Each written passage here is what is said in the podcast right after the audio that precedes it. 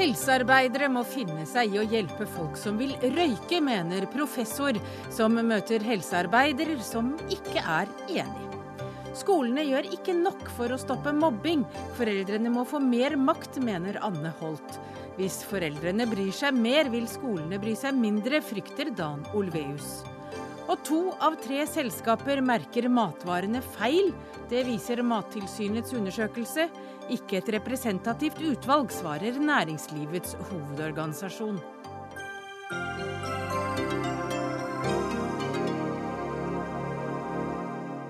Velkommen til Dagsnytt 18. Eh, I denne timen så får du også møte saksofonisten Petter Vettere. Han vil ha mer penger på konto når folk strømmer musikken hans. Og du får også møte IT-gründer som vil ha mindre skatt. Jeg heter Hege Holm, og aller først i denne sendinga skal vi til ettermiddagens, ja hva skal vi si, thriller for det var nemlig meningen at de skulle komme i mål på mandag. Så kastet finanspolitikerne her i landet håndkleet inn på tirsdag, og i går kveld avsluttet de parlamentariske lederne tredje, sitt tredje forhandlingsmøte uten å komme i mål. I ettermiddag hasteinnkalte KrF-leder Hareide stortingsgruppa, men han ville ikke svare på om det gikk mot brudd. Og for få minutter siden så kom det altså meldinger, meldinger om at forhandlingene nå er eh, i ferd med å starte igjen. Og reporter Eva Maria Bulai, du står på Stortinget. Hva er det som skjer der? Har partene kommet? Ja, Nå står jeg rett ved siden av Knut Arild Hareide som er på vei inn i møtet. Vi kan høre kort hva han sier. Eh, vi vet at eh, KrF har vært opptatt av den sosiale profilen. Å eh, se hele landet gjennom det statsbudsjettet som kommer. Og vi vet at vi har kommet med en del forbedringstiltak som jeg tror vil gjøre budsjettet totalt sett bedre. Og det er jo i realiteten å få gjennomslag for det. Og da, da har jeg en viss forståelse for at når vi er nådd så godt ut med vårt budsjett, at vi bør bli lytta til. Er du beredt til å bryte? Det som skjer nå, er jo da at KrF og Venstre skal gå inn i forhandlingslokalene og prøve å få gjennom sine hjertesaker. Vi hørte her Knut Arild Hareide som snakka om sosial profil. Venstre-leder Trine Skei Grande gikk akkurat inn rett før. Det som du nevnte tidligere, var at eh, Knut Arild Hareide har jo vært unnvikende tidligere i dag på eh, spørsmål om vi har spurt om det kommer til å bli brudd i forhandlingene. Men det han har vært klar på, er at det ikke blir noen løsning i dag. Han har også sagt at det er usikkert om det blir noen løsning i morgen innen tidsfristen klokka tolv. Takk til deg, Eva Marie Bulai fra Stortinget. Berit Aalborg, du er politisk redaktør i Vårt Land. Hva er det som skjer? Jeg kan jo si litt om det jeg kjenner til som har skjedd eh, hos KrF i dag. fordi de har jo i forkant av det møtet som kommer nå med alle de parlamentariske unnskyld, parlamentariske lederne, så har jo KrF hatt et gruppemøte. Og Der har Hareide gitt en løypemelding. Og så har gruppa sagt at de opplever at det som ligger på bordet nå ikke er nok. Eh, dette er ikke noe dramatisk for så vidt, for det er jo ofte kriser i forhandlingene. Men, men, det betyr at de har sagt at hvis ikke det kommer flere ting på bordet, og det gjelder både på skattesida, at ikke de godtar så store skattelettelser, og på den sida der hvor man har mer penger å bruke. Så, så, vil de ha mer. De syns det er for lite KrF-stempel, eh, sånn som det ligger nå. Magnus Takvam, du er politisk kommentator her i NRK. Eh, hvorfor har de dårlig tid? De har jo dårlig tid fordi det er en frist for at finanskomiteen på Stortinget skal eh, gjennomføre vedtak og budsjett osv. Så, videre. så dersom de ikke blir ferdig innen tolv i morgen, så må de be om å skyve på den fristen. Og det er jo ikke noe skal vi si, krise i seg selv, men det er mer at det gir et signal til utenverden at avstanden og konfliktnivået er såpass høyt at de ikke klarer å bli enige. Og det er, jo litt, det er jo litt dårlig reklame for disse fire partiene hvis de ikke greier det. Men det kan virke som om de er nødt til å gå over denne fristen. Ja, og Ut fra dine kilder, for det er jo ingen som er veldig åpne her av de som sitter i forhandlinger. Hva vet du om det som, det som står igjen? Altså, det er eh, lite informasjon som kommer ut. Fra Høyre-Frp-siden så blir det sagt at dersom de skal gi eh, økte rammer, altså mer penger til Venstre og KrF sine, sine krav, så er det kjempevanskelig. Da hevder de at de i så fall må finne det på områder der alle er enige om satsinger. Altså jeg mener på forskning og helse og, og den type ting. Og det, det, går jo ikke. Det betyr at de ikke er da i så fall villige til å, til å redusere skattelettene utover det de har, har uh, godtatt til nå. de må også ha eh, sin profil igjen på, på, budsjettet når de er ferdige. Og på den andre siden så sier eh, f.eks. KrF, som dere var inne på, at vel kan man ane nå at man greier å justere både den sosiale profilen noe, og også den grønne profilen og klimaprofilen noe i forhold til det opprinnelige budsjettet. Men det er ikke nok. De sier at budsjettet ute blant deres velgere og medlemmer er så upopulært at de i tillegg liksom må sette sitt stempel tydelig på, på, det. Sånn at de presser veldig på for å få enda mer av sine satsinger inn. Og det, det gjør at finalen eller slutten her blir ganske vanskelig. Ja, jeg tror også dette kommer til å bli en ganske en ganske vanskelig runde. Og det er jo ikke bare penger det er snakk på på enkeltområder, f.eks. bistand, så er det snakk om innretning. F.eks. så vil da Høyre og Fremskrittspartiet de vil gi bistand til færre land. Mens da vet i hvert fall at KrF vil gi til flere land. Så det er mange sånne tekniske ting som ligger inne i bildet. Og så tror jeg jo det blir spennende å se om vi får se at Erna Solberg selv trer inn i inn i forhandlingene. Eh, det kan nok godt hende at vi nå får se på slutten, fordi det virker, så, det virker som det har låst seg litt på mange måter. At de som sitter der nå føler at de ikke har mer å gi, så da må man kanskje helt på toppen også fra regjeringens side for å, for å få løsna opp i de siste tingene. Så Det som gjør dette ekstra krevende, er en slags sånn strukturelt problem si, mellom disse fire partiene, fordi de har veldig ulike eh, motiver for det samarbeidet de har inngått. ikke sant? Høyre, eh, et styringsorientert parti, tenker langsiktig og vil derfor tåle en del sånne upopulære eh, ting som de mener er nødvendige for såkalt å omstille Norge på lang sikt. F.eks. alt det som knytter seg til arbeidslinje, dette barnetillegget som er blitt veldig mye debatt om osv. Mens for partier som ikke er med i regjering, så er det uh, lett å se at de må ha tydelige seire på kort sikt, og ikke, ikke har den eh, regjeringstankegangen i, i, hos seg selv. Og Det er klart at det forsterker eh, problemet når man får det på spissen i en budsjettforhandling. Men det at meningsmålingene heller ikke har eh, gått i regjeringens favør, gjør det det vanskeligere i budsjettforhandlingene?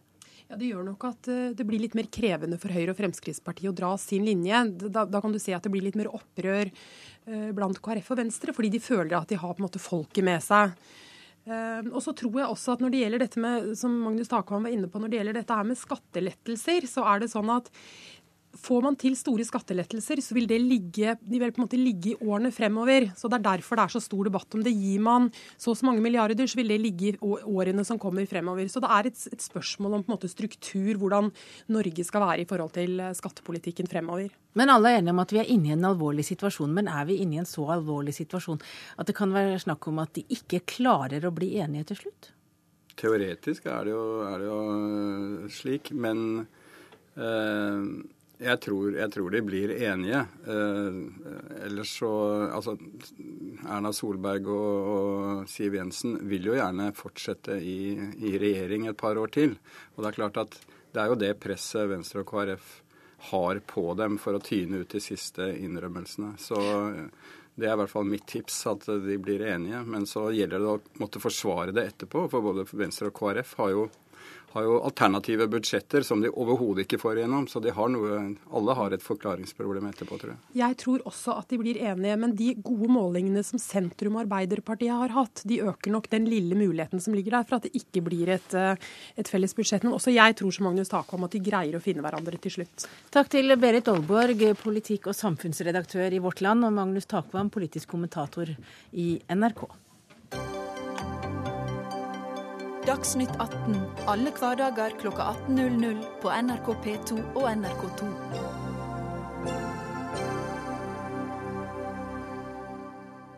Ja, denne uken har vært, eh, har vært, eh, en markant mobbeuke i norsk offentlighet. I helgen så kunne vi jo lese historien om Odin, som ble mobbet og til slutt tok livet av seg eh, som 13-åring. Og det er mange som kaster seg inn i kampen og kommer med gode råd, og en av dem er deg, Anne Holt, i Dagsavisen i dag. For der mener du at skolene ikke klarer å gjøre jobben sin godt nok, og derfor må flere voksne inn i kampen. Hvordan tenker du at det skal gå til? Jeg tror at å drive antimobbearbeid og arbeid for å bedre psykososiale miljø på skolen, det er en fagoppgave som fagfolk bør ta seg av. Men eh, det vi ser med disse sakene som kommer opp i mediene gang etter gang etter gang, etter gang, det er at det går en gjennomgangsmelodi fra de foreldrene til disse fortvilte barna. Og foreldrene er jo like fortvilte. Og det er at ingen ville høre på oss. Vi møter veggen. Det er umulig å nå fram. Ledelsen benektet at det var sånn som vi beskrev. Det er da jeg mener at eh, FAU, som jo allerede er et eksisterende organ ved hver eneste skole i Norge ja, Foreldreutvalgene? Foreldreutvalgene eller Foreldrenes arbeidsutvalg, som er et, eh, et pålagt organ på samtlige skoler i Norge, bør spille en sterkere rolle enn i dag når det gjelder å veilede foreldre som er i en vanskelig situasjon, til hvordan de skal gå fram for både å henvende seg til skolen, ta opp problemet, og ikke minst den klageadgangen som jo VG har, har avslørt at i veldig, veldig liten grad blir brukt. Så du tenker deg at foreldrene skal støtte hverandre, de skal ikke gå inn i sakene på de enkelte skolene? Nei, jeg har altfor stor respekt for, for det antimobbingsarbeidet som, som gjøres, og uh, til at jeg tror at det er noe liksom enhver foreldre kan gjøre. Men i de aller fleste FAU-er så sitter det foreldre som har erfaring nettopp innenfor f.eks. For forvaltning, uh, som kjenner til lovverket, og som kanskje kan være sterkere i en gitt situasjon enn foreldre som allerede er helt utslitt av, som de selv sier, å møte veggen. Dan Olveus, eh, du er professor i psykologi, og du er jo verdenskjent eh, for antimobbeprogram som bærer ditt navn. Du er fortsatt i full jobb i en alder av 83 år. Tror du at eh, Anne Holts forslag om at foreldreutvalgene og foreldrene må spille en større rolle, kan ha noe for seg? Ja, om jeg får komme tilbake til det straks. Men jeg forstår veldig godt utgangspunktet. Altså at nå har man inntrykk av at det er ingenting som fungerer. Og jeg vil først bare kommentere det litt, for det er fullstendig feil. Det har vært mye synsing ute på dette området og skapt et veldig uheldig inntrykk av at eh, et program som vårt ikke fungerer. Vi har jo da eh, gjennomført eh, hadde jo innførte programmet fra 2001 til 2005 i 500 skoler. Og på den tiden så, i den tiden så gikk mobbenivået i landet ned helt klart. Og vi har seks store undersøkelser som kan dokumentere veldig betydliga betydelige effekter av eh, programmet i nedgång i mobbing redan etter åtte måneder. Men fortsatt er det jo mange barn som blir mobbet i skolen, og det viser seg jo at eh, det er vanskelig å komme problemet til livs, selv med program? Ja, men problemet har vært altså pga. all denne synsingen og skapt inntrykk av at program ikke fungerer, så har det vært veldig få skoler som har brukt programmene de senere årene. og Derfor så kommer det jo ikke alls til uttrykk i, i, i landsgjennomsnittet. Men, men våre data viser vi har nedgang hele tiden. Så, så er, vi vet mye om hvordan dette skal gjøres. Men vi vet jo ikke så mye, vi som ikke er foreldre med barn i, i grunnskolen nå. Men, men, men, når du hører Anne Holt, eh, som jo er en eh, forelder og er forfatter og er en samfunnsdebattant og er litt fortvila på alles vegne for det eh, vi leser det vi leser, hva tenker du? Jeg syns det er jo et fint initiativ at hun tar, og, og, det kan godt diskuteres. Men det som jeg ser som store problemet med den, det er jo altså Loven er jo, Opplæringsloven er veldig klar. Og den gjør det klart at det er skolan og, och skolägares, altså kommunens ansvar å sørge for at barnen har en trygg miljø i skolen. Og Det er nettopp det ansvaret de må tvinges til å ta. Og det er jo ingen som her har bestridt verdien av de programmene, av de evidensbaserte programmene som foreligger i norsk skole i dag. Det har jeg ikke kompetanse til å vurdere. Jeg har lest en del om det, og det ser veldig lyst og lovende ut, mange av de programmene. Det vi snakker om, eller det jeg har prøvd å ta fokus på, det er de sakene hvor ting ikke fungerer. Og myndighetenes egne tall er 75 000 barn i Norge fra første klasse til å utgå videregående som blir mobbet. Det er 35 000 som mobber selv. Og Det er tall vi rett og slett ikke kan gjøre noe med, eller leve med, og det må vi gjøre noe med. Og Da mener jeg at foreldrene må trekkes inn i en sterkere grad for å legge til rette for at skolen nettopp skal ta sitt ansvar, for at det er skolens ansvar å gjøre noe med dette. Det er vel ingen uenige i. Nei da, det kan være riktig. Men det er bare altså at det skaper en viss forvirring om hva ligger ansvaret. Og skoleledelsen har dette ansvaret. Og eh, så at Det er derfor jeg mener at eh, det, det, kan skape usikkerhet rundt dette, og ledelsen kan føle at det, det, er foreldreutvalget som skal gjøre dette jobben. Nei, man skal presse ledelsen til å gjøre jobben sin. Et, et, et, øyeblikk, et øyeblikk, du. Så har jo ikke heller FAU noen kompetanse til å arbeide med dette, som du sier. Så det jeg vil, det jeg vil understryke, er at skolene må følges opp mye tettere. Og Djupedalsutvalget som jobber med, skal komme med en utredning om eh, framtida mobbearbeidet, er inne på at man skal ilegge skolene eh, straffeskatt om eh, straffebøter om de ikke følger opp dette. Og Det er en modell som man har anvendt i Sverige i seks år, med, eh, med viss framgang. Absolutt. Så det er en veldig viktig sak. og Jeg har snakket mye med Kristin Halvorsen om dette. Så hun har til og med satt ned en komité for å se på det. da. Nå er hun akkurat ute av norsk politikk, så, så Kristin ja, ja. Halvorsen har ikke så stor innflytelse lenger. Men Olves, vi har en til med oss her som du ikke kan jeg vil, se. Jeg ville bare si en sak til. og det er da at eh, det, når det gjelder å få eh, effekter på dette, så, må, så, er det ikke bare til å legge ut eh, noe på nettet og tro at eh, bare man f.eks. 15 kapitler om hvordan man skal forbedre læringsmiljøet. Skolene har jo ingen mulighet å ta til seg dette. Utan programmene hjelper dem jo å styre ja, Ikke alle program, for det er langt ifra alle som har eh, dokumenterte effekter. men det gjelder jo altså at skolen har, eller vi har en innføringsmodell som gjør at det blir fokus, at det blir kollektivt, kollektivt arbeid, samarbeid osv. Det er en sentral, viktig sak der. Og Kristian Hellevang, du er nestleder i Foreldreutvalget for grunnopplæringen. Dere er jo til dels enige med Anne Holt eh, om at eh, dere syns det er en god idé at dere deltar mer aktivt. Hvordan tenker du deg at det skal foregå? Altså, vi, vi, vil først gi ros til Anne Holt for å trekke opp den debatten. her, for Det er en veldig betimelig debatt hun trekker opp her. for det at alle voksne må på banen i denne saken, her, og alle foreldre må på banen. Altså, vi må mobilisere lokalsamfunnet, det kollektivet på skolen. Altså, dette er ikke eh, lærernes ansvar alene. Så det er viktig å bruke de ressursene som finnes. Men, men, veldig mange mobbesaker foregår jo i små lokale miljøer hvor folk kjenner hverandre. Ja. Og mobberne kan jo ha foreldre i foreldreutvalget. Altså det er jo vanskelige saker.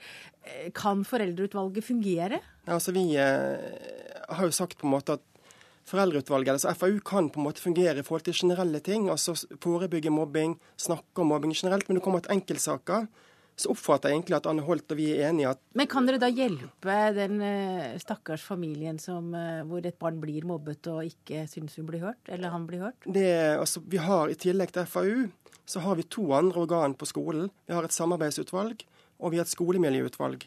Og Skolemiljøutvalget de har faktisk myndighet til å gå inn i eh, mobbesaker, og de kan fatte vedtak om at man ønsker at skoleeier skal fatte enkeltvedtak i forhold til mobbesak. Så det finnes organ allerede i dag i eh, skole som Men det virker jo som det ikke helt virker, for det var jo noe av den konflikten i VG. Nettopp det at ikke det ble fatta noe enkeltvedtak ja, som dermed og, og vi får jo masse henvendelser fra foreldreutvalg som sier at på vår skole så har vi ikke vi skolemiljøutvalg.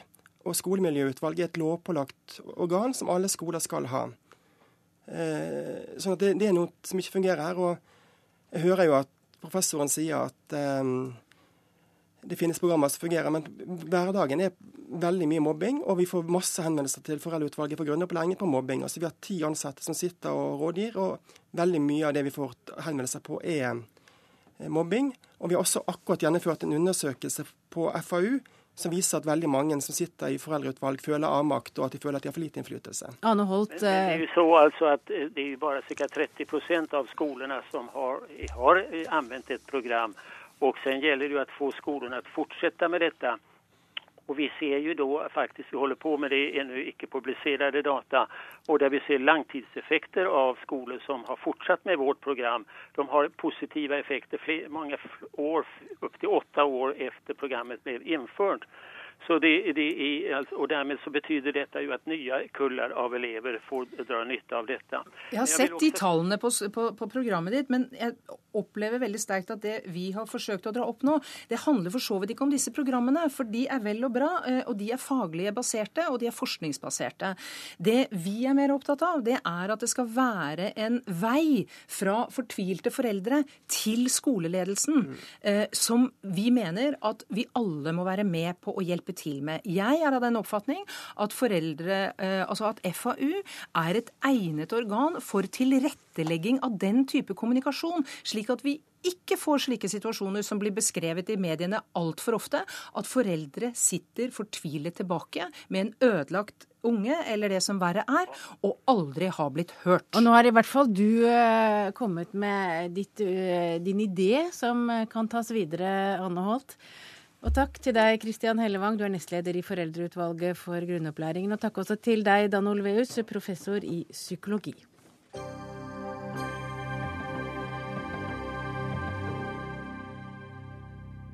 Av tre selskaper feilmerker matvarer. Det er konklusjonen i en ny landsomfattende undersøkelse utført av Mattilsynet. Tilsynet er bekymret, mens NHO Mat og Landbruk er skeptisk til hele undersøkelsen. Og først deg, Atle Wold, du er seksjonssjef i Mattilsynet. Det er du som har ledet undersøkelsen. Hva er det resultatet forteller? Forteller at det er altfor mye knall og fall i forhold til å etterleve regler som jo etter vårt uh, skjønn er enkle å forholde seg til. Det er men, regler som men har vært jeg vet jo ikke helt hva som er regelen. Hva er det du må, Hvordan skal du, må du merke en matvare? Eh, en matvare, matvare, skal merkes med informasjon som gir eh, en klar eh, uttrykk for hva dette dreier seg om, hva slags varebetegnelse, hva slags varetype, hva den består av, hva den er laget av, språk, eh, tilgjengelighet, varedeklarasjoner etc. Nettopp for å kunne Eh, tilby eh, forbrukerne et reelt valg. Men Betyr det at den varen som da er i pakningen, ikke er den som det står utenpå? Altså du finner en annen vare inni enn utenpå? Ikke eh, forskjellige varer. Så graverende har vi dog ikke påvist. Men det er ikke samsvar ofte mellom det som varen utgir seg for å være, og det, det den faktisk er. Kan du altså, komme med et eksempel? Ja, et, altså at man, man, kontrollerer her reseptene i, helt tilbake i produksjonsleddet og ser hva bakeren putter i brødet. Og så sammenholder man det på, med brødposens deklarasjon. Og der finner man mangler. altså Det er underdeklarasjon i forhold til ingredienser, som er viktig i forhold til lik konkurranse mellom At det er rett og slett ingredienser som ikke er oppgitt? Ja, f.eks. Men eh, jeg har en, eller en sånn eh, glutenallergiker i huset. Kan jeg ikke stole på at de deklarasjonene på pakningene stemmer? Det håper jeg du kan gjøre, men dette er et eh, uttrykk for en, en unøyaktighet som kan ha også Eh, relasjoner inntil selve altså det som går på helsemessig sikker og trygg mat. Men det var jo ganske alvorlige tall. Eh, altså to av tre selskaper feilmerker varer. Er dere overrasket? Litt overrasket, for dette har vært i fokus i to år. Forbrukerrådet tok jo opp dette for to år siden. Bransjen lovet å skjerpe seg, og det har de gjort i forhold til villedningsaspektet. Altså for å, å uttrykke eller ha en samsvar mellom eh, riktig betegnelse og bildegivning og slike ting på produktet. Men det er for store mangler i forhold til presisjon på annen del av merkingen. og Den del av merkingen er viktig for forbrukerens valg, og også for å kunne styre unna matvarer som man ikke av helsemessige årsaker eller andre årsaker ikke ønsker. Men er det slik f.eks. som at det står at brød er grovt, og så er det ikke egentlig grovt? Det er bare fargen som er mørk? Jo, men det er egentlig en diskusjon vi har tatt med bransjen, og de er i ferd med å rette opp det. Det er ikke det store her. Det er ikke store, sånn? Nei, ikke, det er også et avvik her, da. Men først og fremst er vi skuffa over at eh, ingrediensmerkingen er så unøyaktig. Det er en viktig premiss for å kunne stole på det du kjøper, og det er en viktig tillitsforhold mellom produsent og forbruker. Gaute Lenvik, du er administrerende direktør i NHO Mat og Landbruk. Du representerer altså matvareprodusentene. Og du er i det hele tatt litt skeptisk du, til tallene fra Mattilsynet. Hvorfor det? Ja, altså I utgangspunktet er vi jo veldig fornøyd med at Mattilsynet gjør den type eh, prosjekter. At de etterfølger eh, og undersøker om det man finner i produktene, er faktisk det som står på produktet. Matindustrien den lever av tilliten til forbrukerne. Og hvis eh, forbrukerne da skal oppleve at det er en mismatch mellom det de får og det de tror de kjøper, så vil vi på sikt undergrave den tilliten. Og Det er vel det han har funnet ut at det er? Så har de kommet fram et resultat her med, som han også påpeker, relativt graverende tall. Det første vi påpeker i den sammenhengen her, er jo at Mattilsynet selv sier at de har valgt ut et produktspekter hvor de antar at antall avvik er stort. Med andre ord, det er ikke de, et gjennomsnittlig utvalg fra butikkhyllene som du og jeg går og handler til daglig. Altså De har valgt det de tror er risikoprodukter. Og for så vidt, Mattilsynet skal jo jobbe risikobasert, så det er også fornuftig. De funnene de da finner, er jo da heller ikke representativt for det vi som forbrukere opplever andre, når de har gått etter de mest risikoutsatte produktene. At de da kommuniserer så sterkt de avvikene og viser til at matbransjen da ikke har orden på sine saker, så er det litt misvisende i forhold til det de faktisk har målt her. Ja, Føler du deg truffet av det? At dere har jo gått i risikosona og funnet det dere lette etter? Da. Dere har funnet matvarer med feil eller med gale deklarasjoner? Det er ikke helt riktig at vi har gått i risikosonen. Vi har gått på de produktene som er sammensatt, altså skrudd sammen av ulike ingredienser. Der vet vi at det kan være utfordringer for industrien å tilkjennegi riktig sammensetning av matvarene. Og så har vi tatt utgangspunkt i forbrukeren, folks handlekurv en tirsdag. Hva den består av. Middagsmat, frokost, eh, mellommat. I det hele tatt eh, gjennomsnittsforbrukerens handleliste på en tirsdag, slik vi ser den for oss. Men hvorfor hva skulle hensikten med å feilmerke en vare være? Ja, det må du nesten stille bransjen, eller spørsmålet må stille til bransjen. Men jeg tenker at uh, dette er en form for unøyaktighet uh, som ikke vi kan leve med. Et, uh, jeg kan ikke spekulere om det er noen motiver som ligger bak, men det er iallfall et faktum. Ja, mener du, Tror du det bare er slurv? Ja, jeg tror at det er mye er slurv og lite kunnskap om eh, forpliktelsene på dette området. Mat, altså Matbransjen de ønsker å følge reglene, og de skal følge reglene. Og de tilsynsprosjektene som Mattilsynet kjører her, det bidrar til at matbransjen får økt kunnskap og også eh, hva skal vi si, økt fokus på det som går på merke riktig. Så det er opplagt riktig at her er det et forbedringspotensial. Men samtidig er det jo ikke Men ikke så dramatisk som du mener det høres ut når vi i nyhetssendingene forteller? Det er ingen av de produktene som her er uh, gitt et omsetningsforbud, f.eks. Altså, vi snakker ikke på noen måte om at det ikke er trygt å spise noen av disse produktene. Og Det er nettopp det vi er litt eh, engstelige for. At den kommunikasjonen man her fører, er å er litt for, altså er, Kommunikasjonen er for alvorlig i forhold til de observasjonene vi ser. F.eks. knytter det seg til hvordan produktet, produktets innhold og hvilke bilder og illustrasjoner du finner utenpå pakningen. I noen tilfeller, og det er jo veldig skjønnsmessig vurdert, at det må være et samsvar mellom disse to. At uh, no, I noen tilfeller så drar man den for langt, det er opplagt.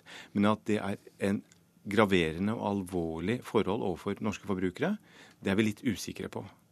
Også, Men uansett så har dere nå i hvert fall fått eh, smekk over fingrene, og så får dere ta dere sammen til neste gang Mattilsynet kommer og undersøker. Ja, og, og det er helt riktig. Altså, vi er helt avhengige av forbrukernes tillit, så det vil vi gjøre. Takk til Gaute Lenvik og Atle Wold.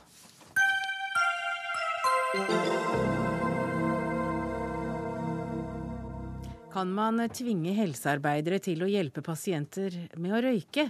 Du får møte en som ble tvunget og mislikte det sterkt. Men før det skal vi snakke penger. Elle Fandeland, du er IT-gründer, og du har irritert deg så kraftig over Arbeiderpartiets holdning til skatt at du skrev et innlegg i Aftenposten og minnet om at Arbeiderpartiets løsninger er for fortiden. Det må du forklare. Eh, ja, jeg syns at de, de, har en politikk som bygger på at man skal investere i maskiner og utstyr, bygninger, eh, og avskrive disse for å kunne bygge en, en, en levedyktig bedrift. Eh, I IT-industrien så har vi ikke bruk for det. Vi kan kjøpe maskinvarer på nettet. Vi kan vi har ikke bruk for bygninger som eier bygninger. Knapt maskiner? Ikke maskiner, det kan vi leie på nett når vi trenger det. Um, så realkapitalen i IT-bransjen, det er penger. Og ser man på de vellykkede IT-bedriftene rundt om i verden, så er det bedrifter som har en stor pengebinge. Og for penger kan du kjøpe kompetanse, teknologi, marked og eh, være bedre rustet mot endringer i konkurransesituasjonen. Og Det er denne pengebingen Arbeiderpartiet er ute etter, og det er det du misliker? Ja, de vil hente inn pengene tidligere og tidligere. Og så syns jeg det er veldig rart at de sammenligner privatformuer hos noen veldig rike mennesker i Norge, og deres evne eller vilje til å betale formuesskatt, med formuesskatt for virksomheter som trenger pengene for å bygge videre, for å bygge bærekraftig IT-industri i Norge.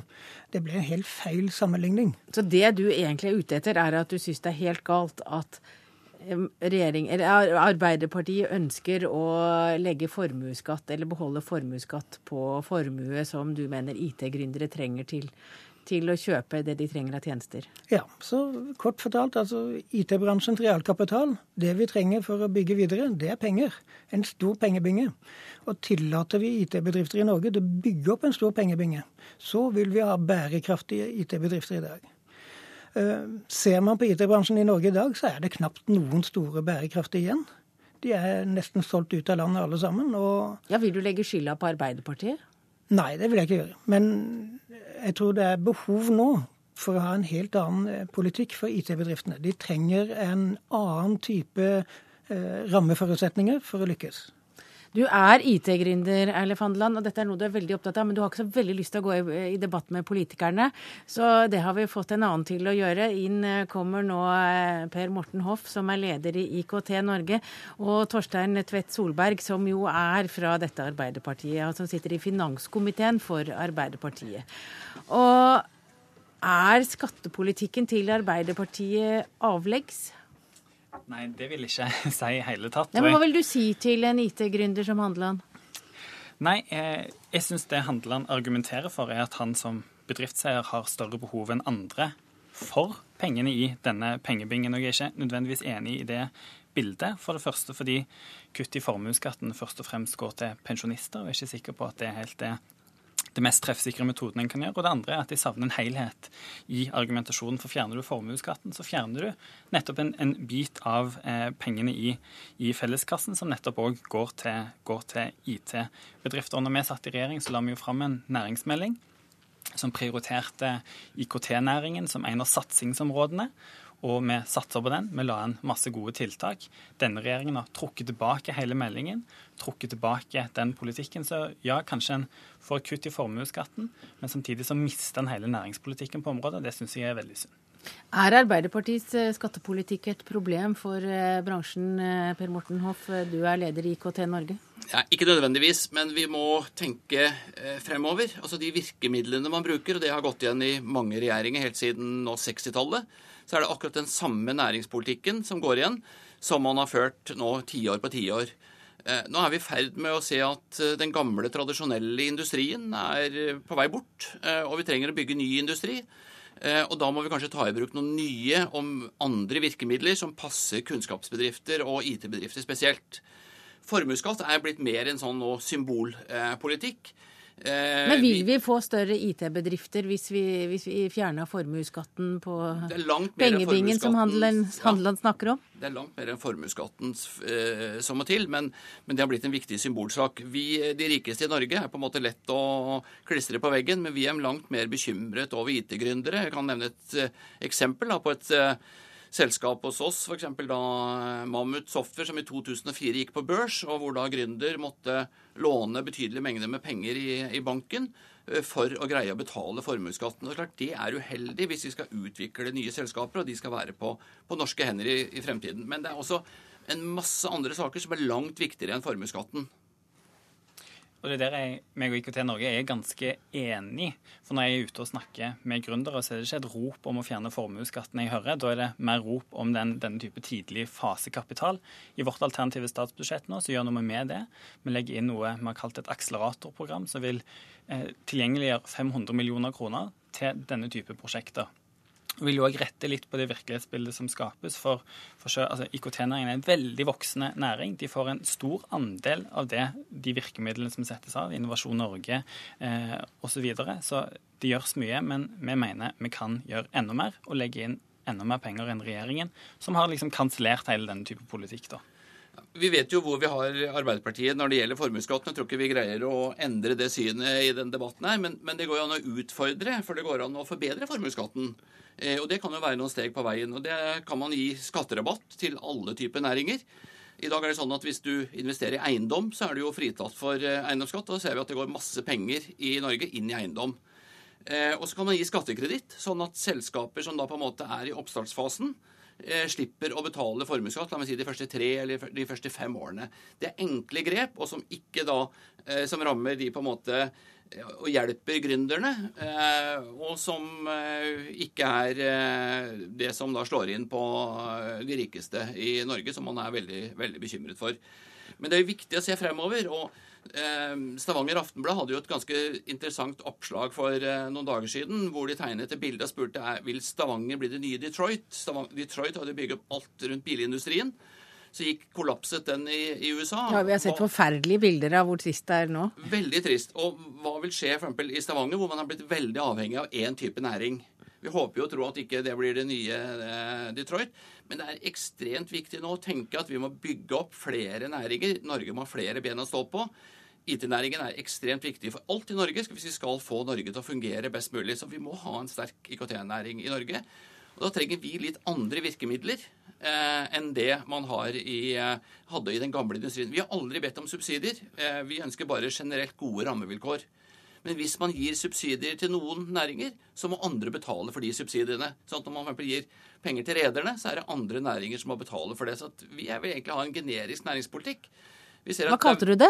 Altså En generisk næringspolitikk. Dvs. Si at den er, den er, uavhengig av hvilken type næring. Den gjelder alle. SkatteFUNN, f.eks., som er et uh, veldig godt uh, virkemiddel. Uh, der henter jo IKT-bedriftene mellom 40 og 50% av alle pengene som kommer ut, fordi at vi er dyktige og flinke på akkurat på forskning og utvikling. Men her er vi jo veldig enige, eh, og det der jeg tror formuesskatten eh, og det å diskutere den bommer, for det er ikke så treffsikkert som det vi kan få til på andre områder, og som mye av det vi har lagt inn. Har formuesskatten blitt en sånn eh, en symbolskatt som, som dere ikke kommer til å komme unna? At dere stadig må diskutere? Vi er jo opptatt av det som er realiteten i den lettelsen på formuesskatten som regjeringen har lagt fram. Og det er jo først og fremst en lettelse for flere hundre tusen pensjonister. Og det tror ikke jeg vil være et treffs... Jeg tror ikke dette, den endringen er treffsikker for å få flere gründere og flere bedrifter. Men kunne du tenkt deg å differensiere? For vi, vi, har, vi, har, tatt de pengene som regjeringen ikke har, fordi de gir skatteletter, og bruker en milliard kroner på gründere i vårt alternative budsjett. Akseleratorprogrammet er en av de.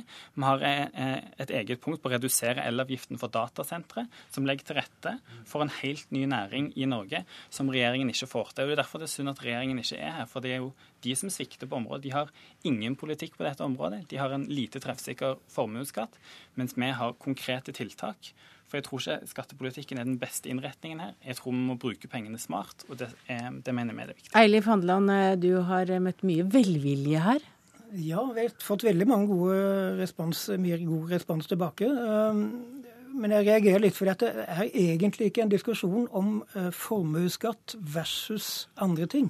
Det er en diskusjon om at realkapitalen, altså det som tradisjonelt i tradisjonell arbeiderpartipolitikk er bygninger, er maskiner, er svær fabrikk. For IT-bransjen er det penger. Så hvis man tenker seg at det viktigste realkapitalen for IT-bransjen, det er en stor pengebinge, Eh, altså, jeg kan med iPaden i dag starte opp verdens største datamaskin uten å kjøpe den. Jeg kan hente verktøy, jeg kan hente kompetanse. Jeg kan kjøpe kompetanse fra hele verden i løpet av minutter. Det er en helt annen type måte å jobbe på. Det er en helt annen industri enn den tradisjonelle eh, hva skal jeg si, industri, tungindustrien. Og nå har iallfall du fått delt tankene dine med de to herrene i studio og eh, noen hundre tusen lyttere. Takk til deg, Eilif Handeland. Takk til Per Morten Hoff og Torstein Tvedt Solberg. Hør Dagsnytt 18 når du vil. Radio NRK Radio.nrk.no.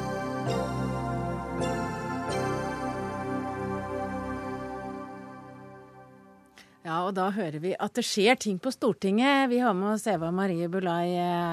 Hva opplever du akkurat nå? Nå står jeg akkurat utafor forhandlingslokalene. Knut Arild Hareide står fortsatt og snakker med journalister, og Trine Skei Grande har gått. De skal ikke møtes igjen før på søndag. Og det, Den forklaringa vi får på det, er at partene har funnet ut at de kommer ikke til å bli ferdig innen tidsfristen i morgen klokka tolv. Og Derfor ønsker de å utsette forhandlingene så de får litt mer tid hver for seg til å finne ut hva de egentlig vil. Så Derfor møtes de altså først på søndag igjen. Det er grunn til å tro at alle har en del å jobbe med. Jeg spurte Trine Skei Grande om de hadde samordna seg med KrF. Hun sa at de har ennå ikke levert noe felles liste, og har ikke noen planer om å gjøre det. Så de ønsker å fremstå som to partier som har ulike prioriteringer. Så Det som blir spennende å se nå, er hva som skjer på søndag. Men det blir ikke noe mer forhandlinger her i kveld. De holder nå i hvert fall eh, spenningen ved like. Dette møtet varte jo da en knapp halvtime. Så eh, takk til deg, Eva Marie Bolai. Og skulle det skje mer før Dagsnytt 18 er overfor i dag, så kommer du tilbake. Men nå skal vi snakke om noe helt annet, for nå skal vi snakke om helsearbeidere og hva man kan forvente av dem. Kan f.eks. en helsearbeider tvinges til å holde sigaretten for beboere og pasienter som ikke klarer å røyke selv? I Dagsnytt i dag så hørte vi om en sykehjemsansatt som ble beordret til å hjelpe en lam pasient med å holde sigaretten. Og den som fortalte den historien, det var deg, Malia Khan. Du er egentlig tannlegestudent, men du har ekstrajobb eh, på sykehjem. Hvordan opplevde du det å måtte være med å holde sigaretten? Jo, når jeg først startet, så var jeg veldig ung. Jeg var 19 år. Og da startet jeg i forbindelse med studiene. Og jeg var ganske innforstått med arbeidsoppgavene mine.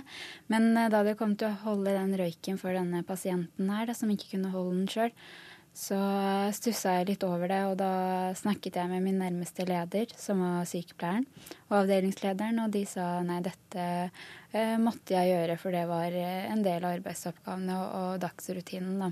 Hvorfor stusset du? Jo, for jeg syns det var så merkelig, for det har vært så mye debatt om røyking og passiv røyking, og det, det er ikke lov til å røyke inne, og så har det vært det med servitørene, at de ikke skal utsettes for røyking inne. Da tenkte jeg, men hvorfor skal vi som helsearbeidere eh, bli utsatt for eh, passiv røyking, og det er jo på en måte skade på kroppen. Da. Og eh, vi som helsearbeider jobber jo som Vi jobber forebyggende og ikke fremskyndende på sykdommer. Så, men samtidig så skjønner jeg hennes sak også, fordi hun er avhengig av denne røyken, og vi skal eh, gjøre alt for at de skal føle seg hjemme og oppfylles deres ønsker. Men eh, ja. Og det tok deg altså fire år før du eh, tok opp saken. Hvorfor det? Jo, fordi jeg, jeg tok jo dette opp med avdelingslederen og fikk eh, da beskjed at nei, dette måtte jeg finne meg i. Og, eh, men når jeg hadde forelesning på skolen nå om sittevern, så snakket jeg med hun som holdt forelesningen, sykepleieren, om at munnbind det var egentlig munnbind hun hadde snakket om. Så jeg spurte henne om det hjalp mot passiv røyking, og det sa hun nei, det gjør det ikke. For jeg hadde nemlig fått beskjed på sykehjemmet at jeg kunne bruke munnbind. Så jeg kunne slippe passiv røyking. Og da stusset jeg litt over at det syntes jeg var litt for vagt. Og da spurte jeg hun eh, foreleseren, og hun sa nei, vet du hva, det, det holder ikke. Så jeg, hvis jeg hadde vært der, så hadde jeg sendt inn spørsmål til Helsedepartementet og spurt dem. Og da sendte jeg inn eh, spørsmål til Helsedepartementet, og de svarte meg tilbake på at jeg hadde loven på min side. Og det syns jeg var veldig Det var en stor lettelse å ha noe å støtte seg til og si at eh, ja.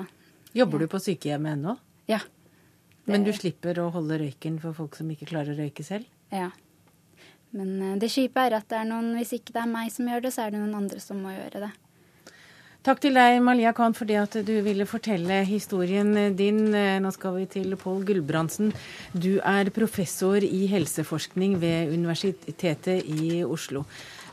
Du mener altså at ansatte i helsevesenet egentlig må finne seg i å hjelpe folk å røyke hvis pasienten har behov for det. Hvorfor det?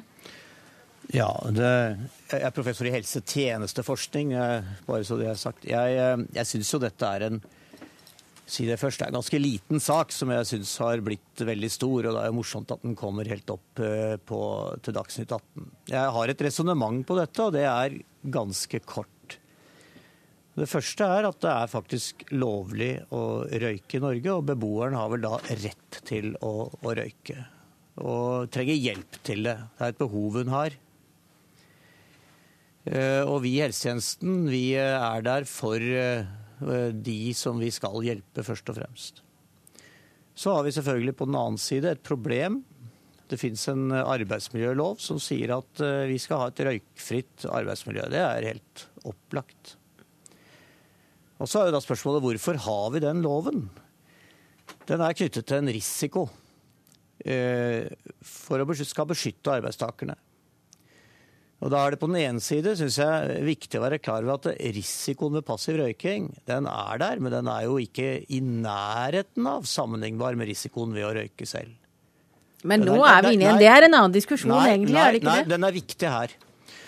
Uh, og det, og det er viktig fordi at når man lager en lov for å beskytte arbeidstakere, så var det jo helt opplagt at den har beskyttet f.eks. restaurantarbeidere. Det kan det ikke være noen tvil om. Den eksposisjonen for røyk som en som kanskje noen timer i året står og holder en røyk for en beboer, er helt marginal for den personens helse. Helt marginal. Og Vi kan sammenligne det med et annet tilfelle i helsetjenesten som sannsynligvis er atskillig mer risikabelt, og som nettopp har vært i nyhetene.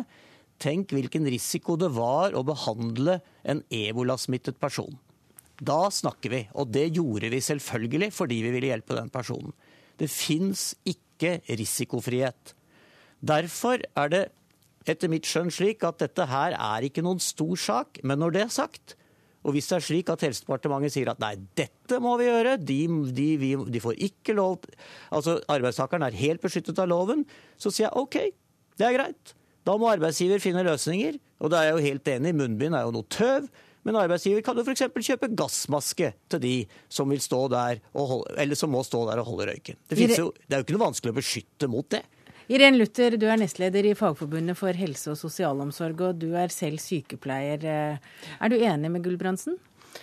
Både enig og uenig. Eh, altså, jeg vil jo bare si at eh, man kan ikke egentlig sammenligne ebola, som er på en måte akkurat i det tilfellet her i Norge, som var en liten, eh, en kort periode. Eh, Fagforbundet er kjempeglad for at det er helsearbeidere som faktisk står på for ebolaofre. Så det, det, er liksom dårlig sammenligningsgrunnlag, tenker jeg.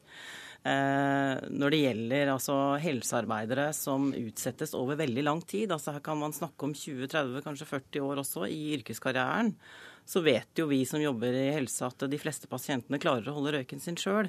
Men det kan være at de over lang tid faktisk eh, da holder denne røyken for pasienten hvis de jobber der daglig. Det kan være en yngre pasient som er over lang tid på sykehjem. Vi har noen av de også så tenker jeg at da blir sammenligningsgrunnlaget dårlig. Og vi, siden vi da eh, ikke helt vet hvordan den risikoen er for passiv røyk, så tenker jeg at uh, i henhold til arbeidsmiljøloven så skal man da faktisk beskyttes for det. Og da må det bli Men bør ikke en pasient få lov å røke, da? Når jo, du ligger der lam ikke har muligheten til å holde røyken sjøl. Det er jeg helt enig i. Eh, og det er klart at i helsepersonelloven så står det jo også at vi skal yte hjelp til pasientens behov. Eh, så, så, det er jo selvfølgelig en dilemmasituasjon. Men det fins tekniske hjelpemidler, det fins holdere, og det fins røyketeppe og selvfølgelig i ekstreme tilfeller gassmasker. Så man kan jo se på det, og kanskje også det fins noen røykere der som kan hjelpe beboeren. Så, så, så det fins jo løsninger man kan se på, tenker jeg. Du sier dette er en liten sak, Gulbrandsen, men den høres jo ganske alvorlig ut fordi den rammer. og Mener du at det er noe feil med arbeidsmiljøloven? Nei, det mener jeg egentlig ikke. Jeg er tilhenger av at vi beskytter arbeidstakere. Det som bekymrer meg, er vår manglende forståelse for ulike typer av risiko og grader av risiko. Eh, denne, denne risikoen for passiv røyking den er som sagt der, den er marginal. Og en, et årsverk for en som jobber, er vel ca. 1600-1700 timer. Vi må vel anta at hun ikke står der hver dag hele dagen, samme personen, og holder denne røyken. Så det kan kanskje være at vedkommende i, i verste fall, da, selv om vi virkelig tar i, kanskje må stå 50 eller 100 timer i året og holde denne sigaretten. Det er jo en risiko for den personen som er helt, helt marginal. Du kan ikke sammenlignes. Jeg tok ebolasmitte. Det kan tas massevis av andre oppgaver i samfunnet haugevis som er mye mer risikable enn det. Og men nå er det, det røyking vi snakker om? Ja, men jeg syns at altså, det er noe med proporsjonene på ting. Ja, er du enig i Luther, at dette er et, et tøvete nesten Jeg eh, syns ikke man skal sammenligne. Jeg synes ikke det. Og så er det jo noe med at det fins jo allergikere, astmatikere, og det er faktisk sånn at man kan utvikle også allergi underveis. Det vet man jo. Så jeg tenker at det er noen hensyn man skal ta her. Og så skal vi ikke være helt rigide. Vi skal som sagt hjelpe pasienten nå, men vi må finne andre løsninger. Takk til Pål Gulbrandsen og Irén Luther.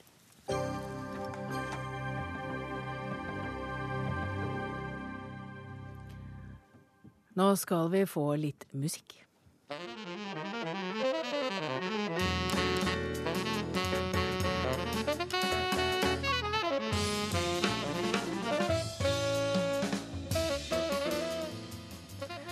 Ja, superstjernen Taylor Swift varslet i forrige uke at hun bryter kont kontakten med musikkstrømmetjenesten Spotify. Og i Norge retter søkelyset mot tjenesten som Spotify og Vimp. Og i dag skriver Aftenposten altså at saksofonist Petter Vettere, som vi hørte her, har laget sin egen app som en protest mot musikkstrømmetjenesten. Og Petter Vettere, hva er det du vil si med protesten din? Eh, jeg vil jo først bare poengtere at det som i utgangspunktet var en, eh, en, protest mot strømmetjenestene, det viste seg jo at det var bare jeg som tok feil. Eh, jeg var veldig frustrert over at inntekter som et resultat av sviktende CD-salg pga. strømming forsvant. Og da kunne jeg gjøre to ting. Jeg kunne sitte hjemme og være sur og grinte og klage min nød. Eller så kunne jeg være kreativ og prøve å finne et annet utløp for min uh, kreativitet eller min musikk. Og etter litt sånn uh, prøving og feiling med både minnepinner og Facebook-invitasjoner, så har jeg da endt opp med å samle hele min uh, produksjon. 18 utgivelser totalt, i tillegg til nedlastbare noter og videosnutter og Facebook-meldinger og alt mulig rart, i en app. Så det er vel egentlig at jeg prøver å få tilbake lytting på min musikk tilbake til mine egne premisser. Litt sånn som det var i gamle dager, når jeg lagde en CD, satte ned i butikken, og så kom noen og kjøpte den. Men hvordan mener du at det burde vært i dagens moderne verden, hvor det å strømme jo er ganske naturlig? Altså, Jeg må, skal også være den første til å innrømme at jeg strømmer jo dagen lang selv, så jeg kan jo ikke med, sitte her og si at det er en dårlig ting. Det er snarere en veldig bra ting. Eh, men det er jo selvfølgelig eh, forstemmende for oss som i gamle dager kunne tjene I hvert fall jeg kunne det for en sju-åtte år siden. Tjene 100 000 kroner i året på å selge CD-er. Da trykte jeg opp 1000 eksemplarer og hadde mitt eget plateselskap. Og når det da plutselig forsvinner sånn mer over natta, så blir man jo selvfølgelig forbanna og frustrert, og man eh, peker på folk og anklager i beste forstand. Og så Jeg har egentlig ikke kommet opp med noe bedre løsning på hvordan dagens modell skal betales tilbake til oss, for jeg innser jo at det å streame musikk, eller såkalt å leie musikk fra en annen tilbyder, det er jo en helt annen forretningsmodell enn å faktisk kjøpe en CD som du selv eier, og som du kan velge å gjøre hva du vil med. Og som ungene dine kan spille når, eh, når, den er gått ut på dato, og det er bare du som sitter og mimrer og Ja, ungene mine vet ikke hva en CD er, eller hvordan de spiller den av. Så det, allerede der så ser vi jo for så vidt fremtiden. Og det var også en sånn ting som, jeg at, eh, som fikk meg til å tenke at det å lage en CD nå, i min situasjon, det er helt høl i huet og bak mål. Så jeg må finne en annen måte å, å distribuere musikken min på. Men nå skal vi leke litt pekeleken som du satte i gang med, med ditt eh, innlegg i Aftenposten i dag. For Elin Aamodt, du er daglig leder i Grammart, og det er interesseorganisasjonen for artister. Du er opptatt av fordelingen av pengene som, som brukere betaler for strømmetjenester. For, kan du forklare hvordan eh, Vettres musikk og andres musikk eh, blir belønna? Ja, I dagens uh, strømmemarked så er det jo slik at uh, alle pengene som forbrukerne betaler for sitt strømmeabonnement, ikke går direkte til de artistene som strømmes, men fordeles i en pott. Og du betaler kanskje 99 kroner eller hundrelapp, ja. og så det, får du strømme det du vil? Nettopp. Det vi ønsker er rett og slett en endring av den modellen. Vi ønsker at de 99 kronene som hver forbruker betaler hver måned, skal gå til de artistene eller de låtene de hører på. Så hører jeg bare på to-tre låter av Sivert Høyem en måned med mitt Vinponement til 100 eh, kroner, så skal Sivert Høyem få de pengene. Men det får han ikke i dag? Det, det, får han ikke i dag. Det fordeles etter en ganske komplisert modell, som er litt for, for, for langt å, å, å, forklare i korte tekst her. Men, men, men sånn generelt sett så, så, fordeles alle strømmene i en pott som, som, fordeles på alle artister. Så selv om jeg egentlig bare hører Vettere, så er da for alle artistene pengene, eller det fordeles på en helt annen måte. Det fordeles på en annen måte. måte. Ja. Eh, Og Larry Bringsjord, du er leder i FONO, organisasjonen for uavhengige norske plateselskaper. Eh, hvorfor klarer man ikke å få til et system hvor artisten får? Eh, det er tre stykker som får. Det er artisten, og det er plateselskapene og de som har skrevet låtene. Og vi kommer til å få til et sånt system, tror jeg. Eh, vi er glad i både Wimp og Spotify og store og små plateselskaper. Men vi vil ha dette på bordet at nå vil vi at pengene skal gå til de eh, som blir lytta til. Og det er, som du nevnte, altså hvis, hvis f.eks. Sigvard Dagsland blir lytta til fem ganger i løpet av en måned hos én kunde, så skal han og hans plateselskap få de pengene der. Det skal, ikke, det skal bli 50 kroner til han istedenfor 50 øre. Og ansvaret ligger da hos Vimp? Det ligger Eller hos- Spotify? Det ligger hos mange av oss. Det ligger hos oss plateselskaper, forhandlinger med Wimp og Spotify, som er våre gode venner, og internasjonale store plateselskaper. Men da, Vi bare fortsetter ute i verden, vi, for vi har med oss Sveinung Rindal, som er sjef i strømmingstjenesten Vimp. Eh, Er du enig med Bringsjord om at det må være målet, eller syns du det er greit slik det er i dag? Eh, Nei, jeg syns det er eh, veldig interessante og spennende tanker som, eh, som har kommet opp. Eh, Det er litt sånn at eh, eh, det var ikke vi som satte premissene for avtalene som ble laget eh, når vi starta med Vimp i 2010. Eh, og det er neppe sånn at én artist eller en, et plateselskap i Norge kan sette de premissene i dag heller. Men jeg tror at selve diskusjonen er viktig. Jeg tror vi tror platebransjen og artistbransjen eh, har godt av å diskutere de tingene. Og det er eh, Ja, Det ville jo ikke være noen fordel for dere hvis alle laget seg en egen app. Nei, det er veldig kreativt og flott av Petter Vettere, da. Det må sies. Men jeg, jeg tenker jo det at eh, eh, i, i enhver jobb og i, en, i enhver eh, bransje så har man årlige lønnsforhandlinger og, og landbruksoppgjør og i det hele tatt. Og det ville vært unormalt hvis man ikke fordeler en såpass fersk eh, teknologi som strømming er, eh, og, og fordelingen av de pengene. Så det ja, jeg ser på det som helt naturlig og interessant at man begynner å diskutere dette. Og da fortsetter vi pekeleken til en av de som virkelig har stor makt. Petter Singsås, du er daglig leder i Universal, og det er altså det største plateselskapet. Er du enig med de som sitter rundt bordet her og Petter Vettere, at egentlig så bør de som blir lyttet til, også få pengene? Ja, Det er i hvert fall ikke feil for å, for å se det fra den siden. Jeg, jeg har lyst til å si og det er Universal, som er et stort selskap, de betaler i år ut pluss minus 100 millioner kroner i eh, royalty-utbetalinger til internasjonale og norske artister. Labels og direkte til artister, selskap til artister. Så mye penger har vi ut av i til. Så det betyr at det, i den verden vi også snakker om, så er den, den er digital. Ja, den er blitt annerledes, men utbetalingene er større enn noen gang.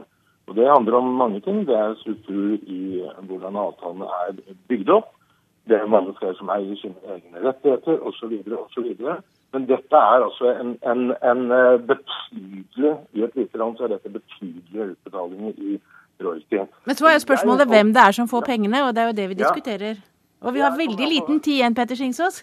Ja, Det kommer an på hvem du har. Vi skriver avtale med. Noen ganger så lager vi avtale med et selskap. Da er det de som får pengene og bidrageren til artist. Så noen ganger så gjør vi det direkte til artist, og da får artisten direkte pengene fra oss.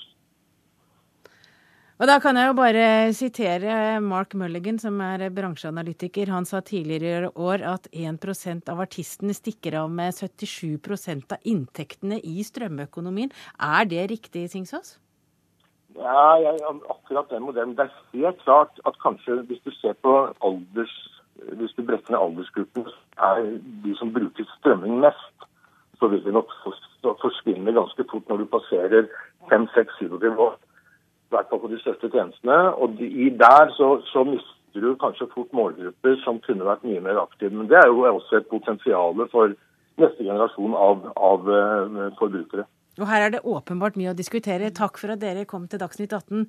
Petter Vettere, Elin Aamodt, Sveinung Rindal, Petter Singsås og Larry Bringsjord.